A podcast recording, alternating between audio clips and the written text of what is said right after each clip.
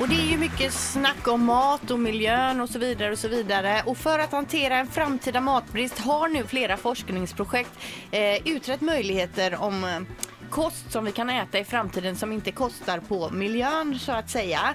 Eh, Och det här är då kost som redan faktiskt finns på marknaden men som inte är så vanligt. Vi har ju varit inne på det förut med insekter och maskar. Det kommer vi äta i framtiden. Mycket protein. Tång och alger. Idag finns både kaviar och knäckebröd som framställs på tång och flera svenska matbutiker kan man faktiskt köpa torkade alger men det kommer också bli större. Sen har vi ju det här med odlat kött som vi också varit inne på. De flesta experterna är överens om att vi måste minska vår köttkonsumtion för att klara framtidens eh, livsmedelsförsörjning då. Eh, och 2013 togs de första, eh, eller det första bettet då i den första odlade hamburgaren och det är ju framförallt då i Nederländerna som man håller på med att odla den här färsen då. Ja, det är alltså, den är- kommer inte från djur utan den, den växer i någon balja eller I ett där. laboratorium. Ja. Men är det fortfarande kött eller är det Ja, grönsak? det ska det ju vara. Nej, det är ju inte... Det är alltså gjort, tror jag, från någon muskelfiber från en levande ko och så kan man då på något sätt odla fram kött. Så det är ju alltså inte korn eller något vegetariskt varje... Så. Jag fick lite spy i munnen nu. Ja, det känns lite äckligt. Men så kommer framtiden se ut.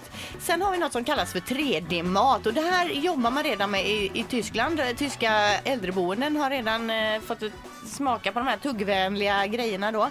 Jag vet inte exakt vad det innebär men jag tror att det är, du vet, du lägger in en liten grej i mikrovågsugnen och sen så ploppar den upp på något sätt då Ja. och blir större. Som Vad ett det- popcorn nästan. Ja, nu spekulerar jag. jag det står inte riktigt vad Kallar du 3D-mat är. 3D-mat? Det skulle inte kunna vara så att man bara ser en fin bild på mat och så, så någonstans så ska man bli mätt av det. Det är en ny diet det kanske. står om NASA, 3D-skrivare, leverera pizza i rymden, bioscience och så vidare. Jag går inte in närmare på det, utan nu kommer jag till en annan grej som vi kommer att äta i framtiden, nämligen maneter. Maneter det innehåller protein och enligt forskarna då eh, så borde manetens konsistens göra den extra lämplig som till exempel då grytbitar eller strimlad i sallad. Och manetsallad det är faktiskt redan en stor grej i Asien.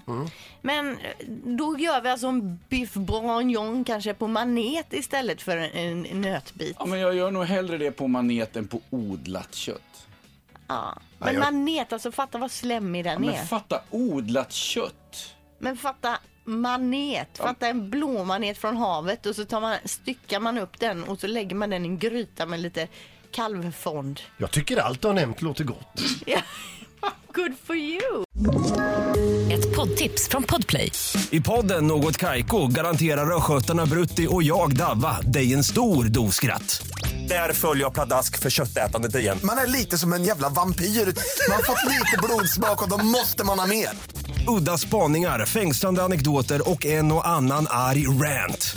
Jag måste ha mitt kaffe på morgonen för annars är jag ingen trevlig människa. Då är du ingen trevlig människa, punkt. Något Kaiko, hör du på Podplay. Därför arkadeinerna.